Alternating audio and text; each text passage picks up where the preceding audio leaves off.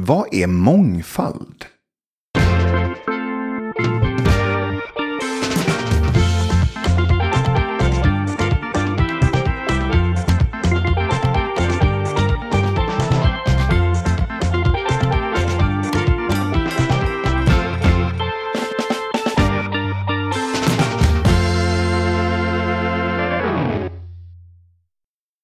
Alltså jag skulle säga mångfald. Det är olikheter bara. Och det, är, det är inte vilka typ av olikheter som helst. Utan olikheter som är relevanta. Och jag tänker också att mångfald är ett tillstånd. Som varken är bra eller dåligt. Det bara är. Och det är lite situationen som avgör vad som är mångfald. Alltså bara för att ge ett exempel. Om du har en hög med strumpor.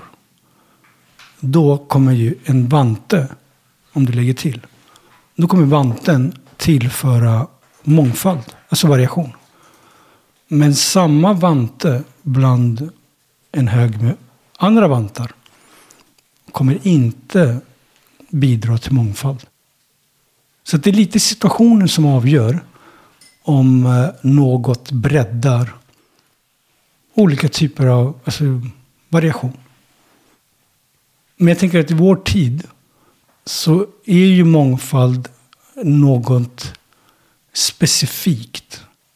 Um, och många gånger är det ju typ om man ser ut som jag eller du, alltså mörkt hår och pigment, stark pigment.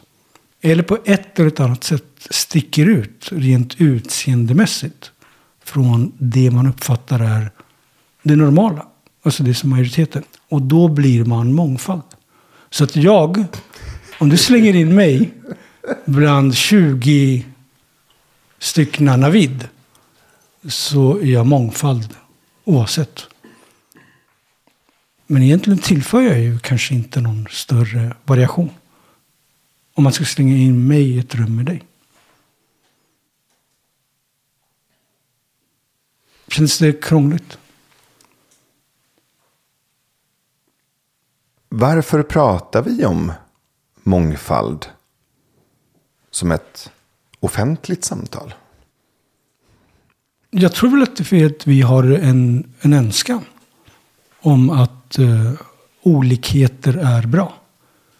Sen varför och hur och vilka olikheter. Det pratar vi inte så mycket om. Utan jag tror att det är någon sån här idé som demokrati eller yttrandefrihet. Alltså att det blivit ett värdeladdat ord som signalerar att man står för något gott. Um, för jag sa ju precis i början att för mig i alla fall så är mångfald inte något gott. Det är inget ont. Det bara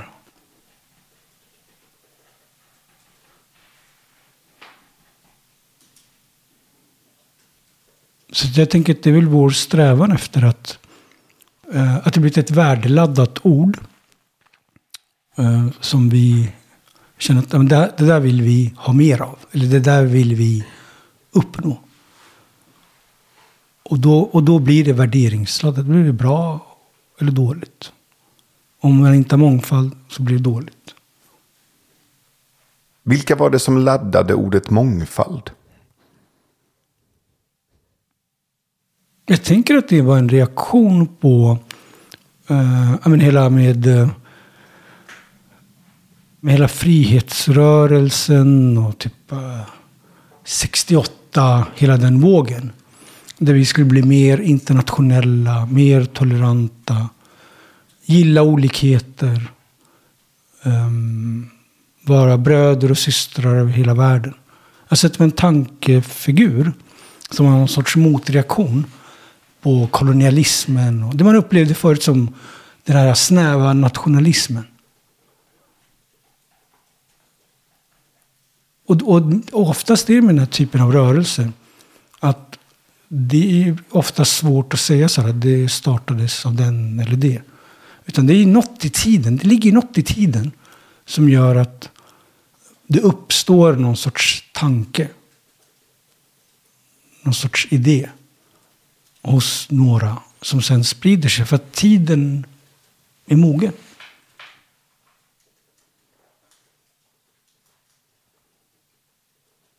Och sen tror jag att i vår tid, eftersom vi sällan pratar om så här, men vad är mångfald då? Varför mångfald då? Så blir det inte något vi problematiserar.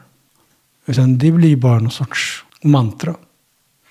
Vilka andra djur pratar om mångfald? De pratar väl inte överhuvudtaget. Nej men jag tänker som eftersträvar. Nej, men jag tänker att i naturen finns det väl hela tiden alltså en, dual, alltså en dubbelhet. Att det ska både vara likriktat, men rent evolutionärt så behöver vi variationer. Så att även om ingen pratar om det, kanske aktivt strävar, så tror jag att livet strävar dit och är mångfaldigt. Det är därför jag kan tycka ibland så här hela idén om att vi ska jobba med mångfald genom att öka den, ta in den. Jag, jag tror inte vi behöver det. Jag tänker att världen är mångfaldig. Det är vi människor som har gjort den enfaldig. Alltså vi tar bort saker och ting. Så att om man säger att man vill uppnå mångfald, oavsett om det är gott eller ont. Om det är något eftersträvansvärt tillstånd så tror jag att vi ska fokusera mer på att inte ta bort snarare än lägga till.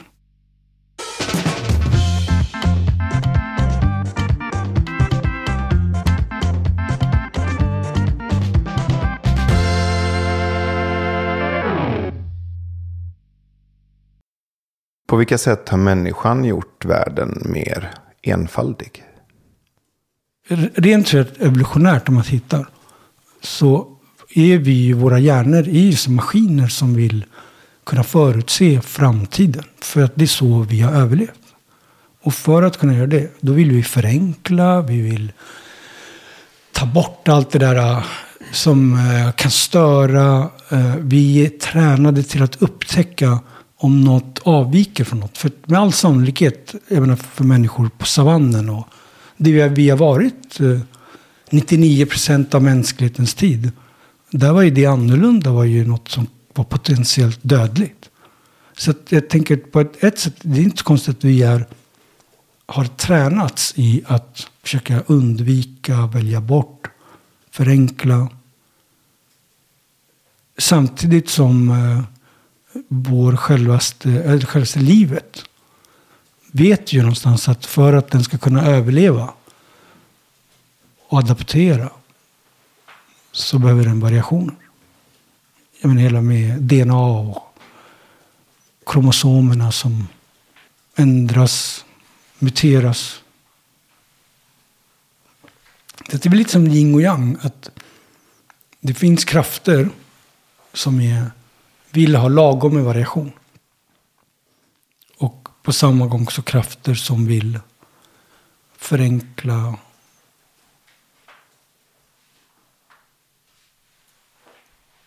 skapa ordning.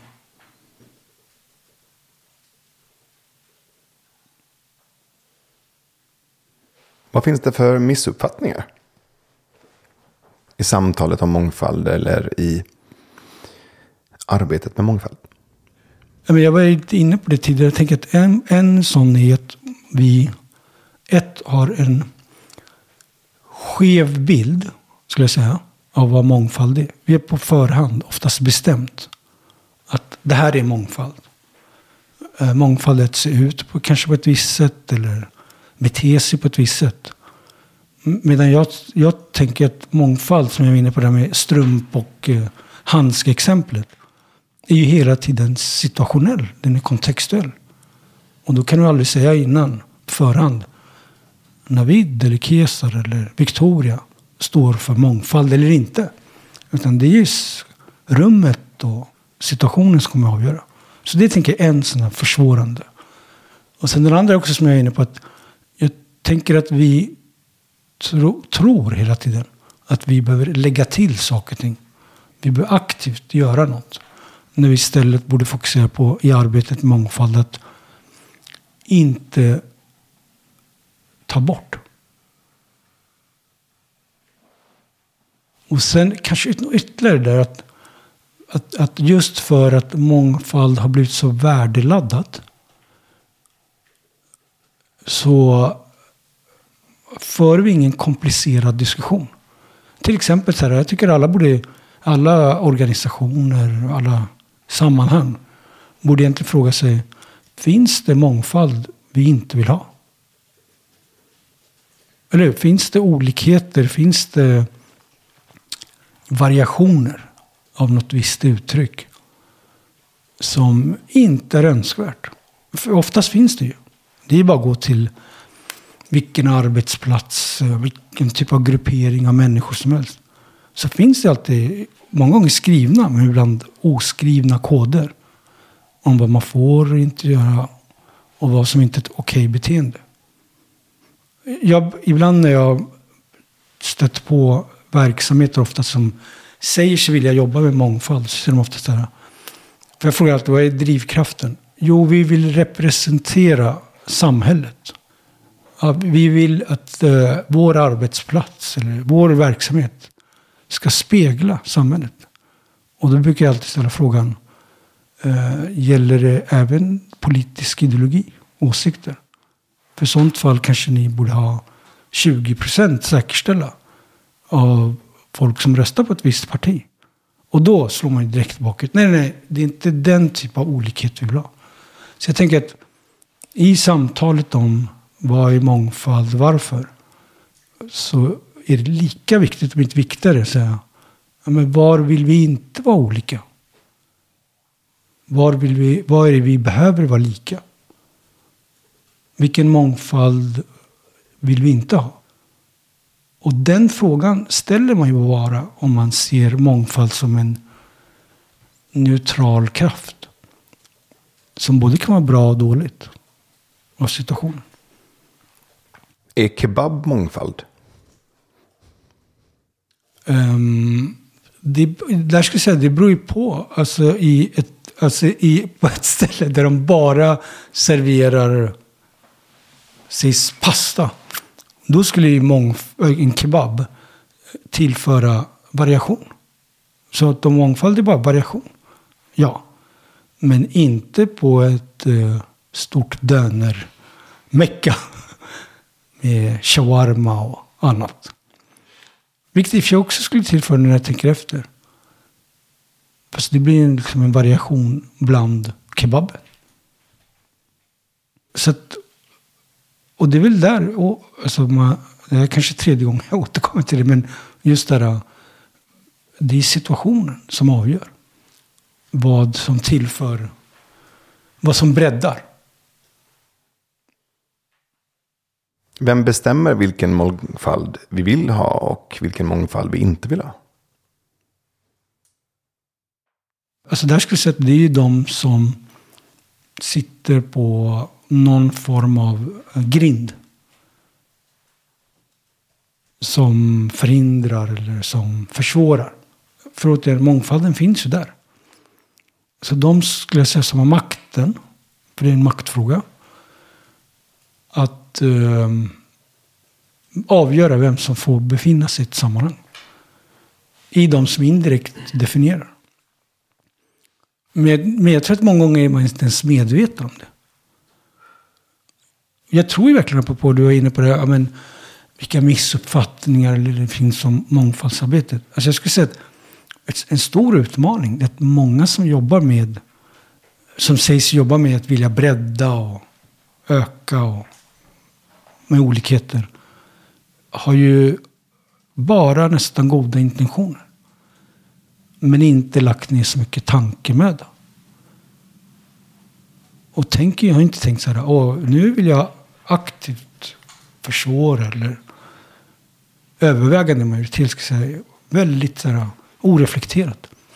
Och jag tror på, på det så att när vi inte är, när vi inte för nyanserade samtal, där saker och ting kan vara bra, dåligt, eh, komplicerade och komplexa.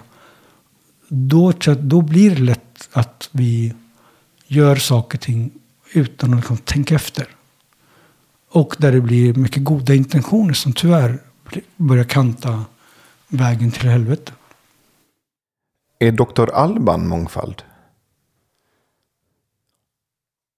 Ja, det beror på vilken kontext. Bland schlagerlåtarna, men inte kanske om du ska samla tio stycken som i ett rum. Slänga in Dr. Alban med tio som har ungefär liknande musikalisk uttryck. Då är det inte mångfald. Men, men skulle du fråga gemene man. Då skulle man säga ja. Alban är mångfald. För att man har på förhand bestämt sig. Vad som är mångfald och vad som inte. Hur mäter vi mångfald idag? Alltså vi gör det genom de här våra idéer om vad som är mångfald och vad som inte är mångfald. Och så försöker vi räkna skallar. Och det jag tycker är lite intressant med den här mångfald, hur vi mäter och jobbar. Det är ju att majoriteten, när man, när man pratar med dem typ i 15-20 minuter och ställer lite frågor. Då landar de gärna så här, äh, men det är inte så att vi är ute efter att ha två av den sorten och tre som ser ut så där och fyra som är födda där. Vi är ute efter perspektiv. Och jag tänker att det är inte det klassiska att vi har levt i en tid rent evolutionärt där vi har kunnat döma hunden efter håret. Alltså att där människan har ju det visuella.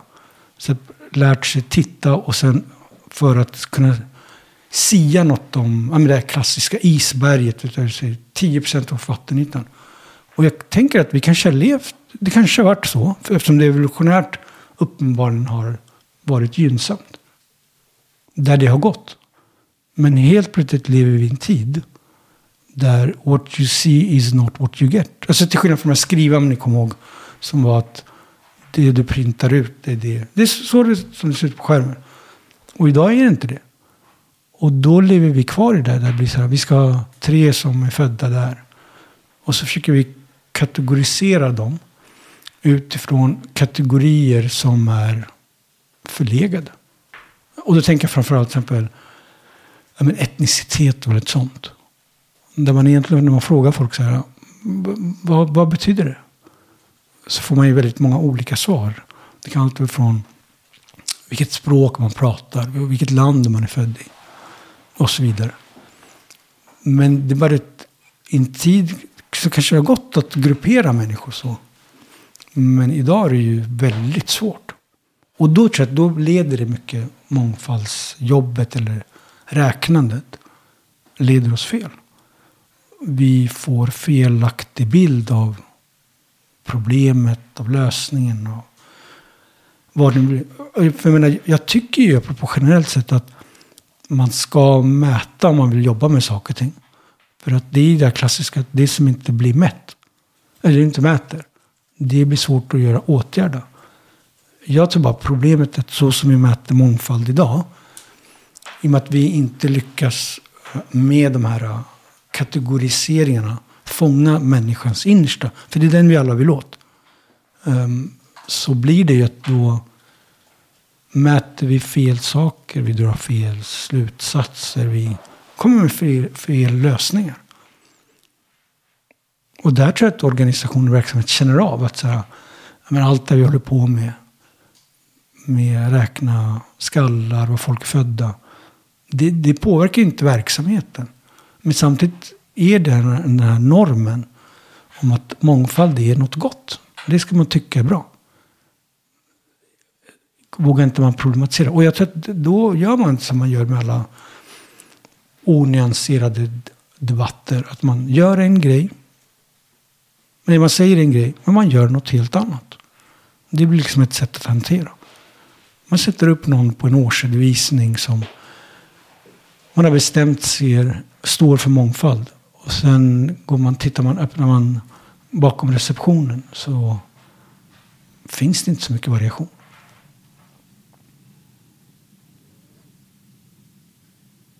Jag kom på ett, ett, ett annat exempel på, på det, här, eh, det du och vi var inne på tidigare med så här, eh, mångfald och kontexten.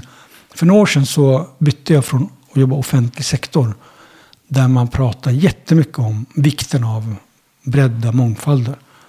Och jag eh, som mörkhårig eh, och född i ett annat land kände ju oftast av så här, eller kände, jag kunde notera att jag i 90 procent av rummen stack ut.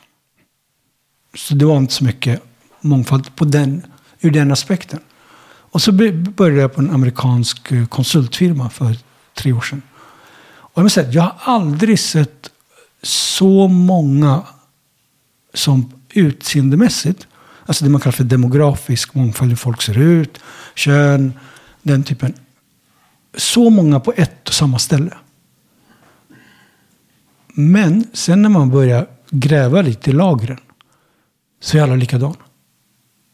Eh, alla har gått på samma skolor, spelar golf, eh, intresserar sig för klock och skotidningar eh, och gör ungefär liknande aktiviteter. Och då kan man säga, ja, på det här stället så fanns det enorm demografisk mångfald. Men det fanns ju ingen perspektivmångfald. Och, och där ska jag säga att, att, för den typen av, till exempel om man tar den typen av jobb, som många sådana managementkonsultfirmor är, så ligger ett värde i att, och det här skulle man inte säga öppet, men det ligger ett värde i att alla är ungefär likadana. För du ska kunna sätta ihop ett team av någon från Indien, Brasilien, Irland. Och så ska de ändå kunna funka utan allt för lång startsträcka. Så att då tränar man ju upp folk. Så att de eh, går på kurser och lär sig samma metoder och det. Så jag tycker det är för mig ett bra exempel på så här, ett så här, på ett ställe du kan ha variationer, bredd när det kommer till det vi klassiskt pratar om mångfald, demografiska olikheter. Men du kan fortfarande under det isberget så kan det fortfarande vara lika. Och att det ändå ibland finns ett värde. Att för att saker och ting ska kunna funka effektivt, då behöver man vara lika. Vad är värdet i perspektivmångfald? Um, jag tänker att det är att någon, alltså att du har alla som inte tittar åt samma håll. Att du har i alla fall några i en grupp som ser något helt annat. När ni tittar på något. Som kan säga, men vänta, det här är inte alls en anka. Det är en eh, gammal gumma. Den här klassiska bilden, som man kan, om du stirrar länge kan du se den på två olika sätt. Och jag tror att, så här, att i synnerhet den världen vi lever i. Världen har alltid varit komplex och föränderlig och allt det där. Men jag tror ändå att senaste typ 40-50 åren att hastigheten och omfånget för komplexitet, eh, föränderlighet, alltid har blivit mer markant.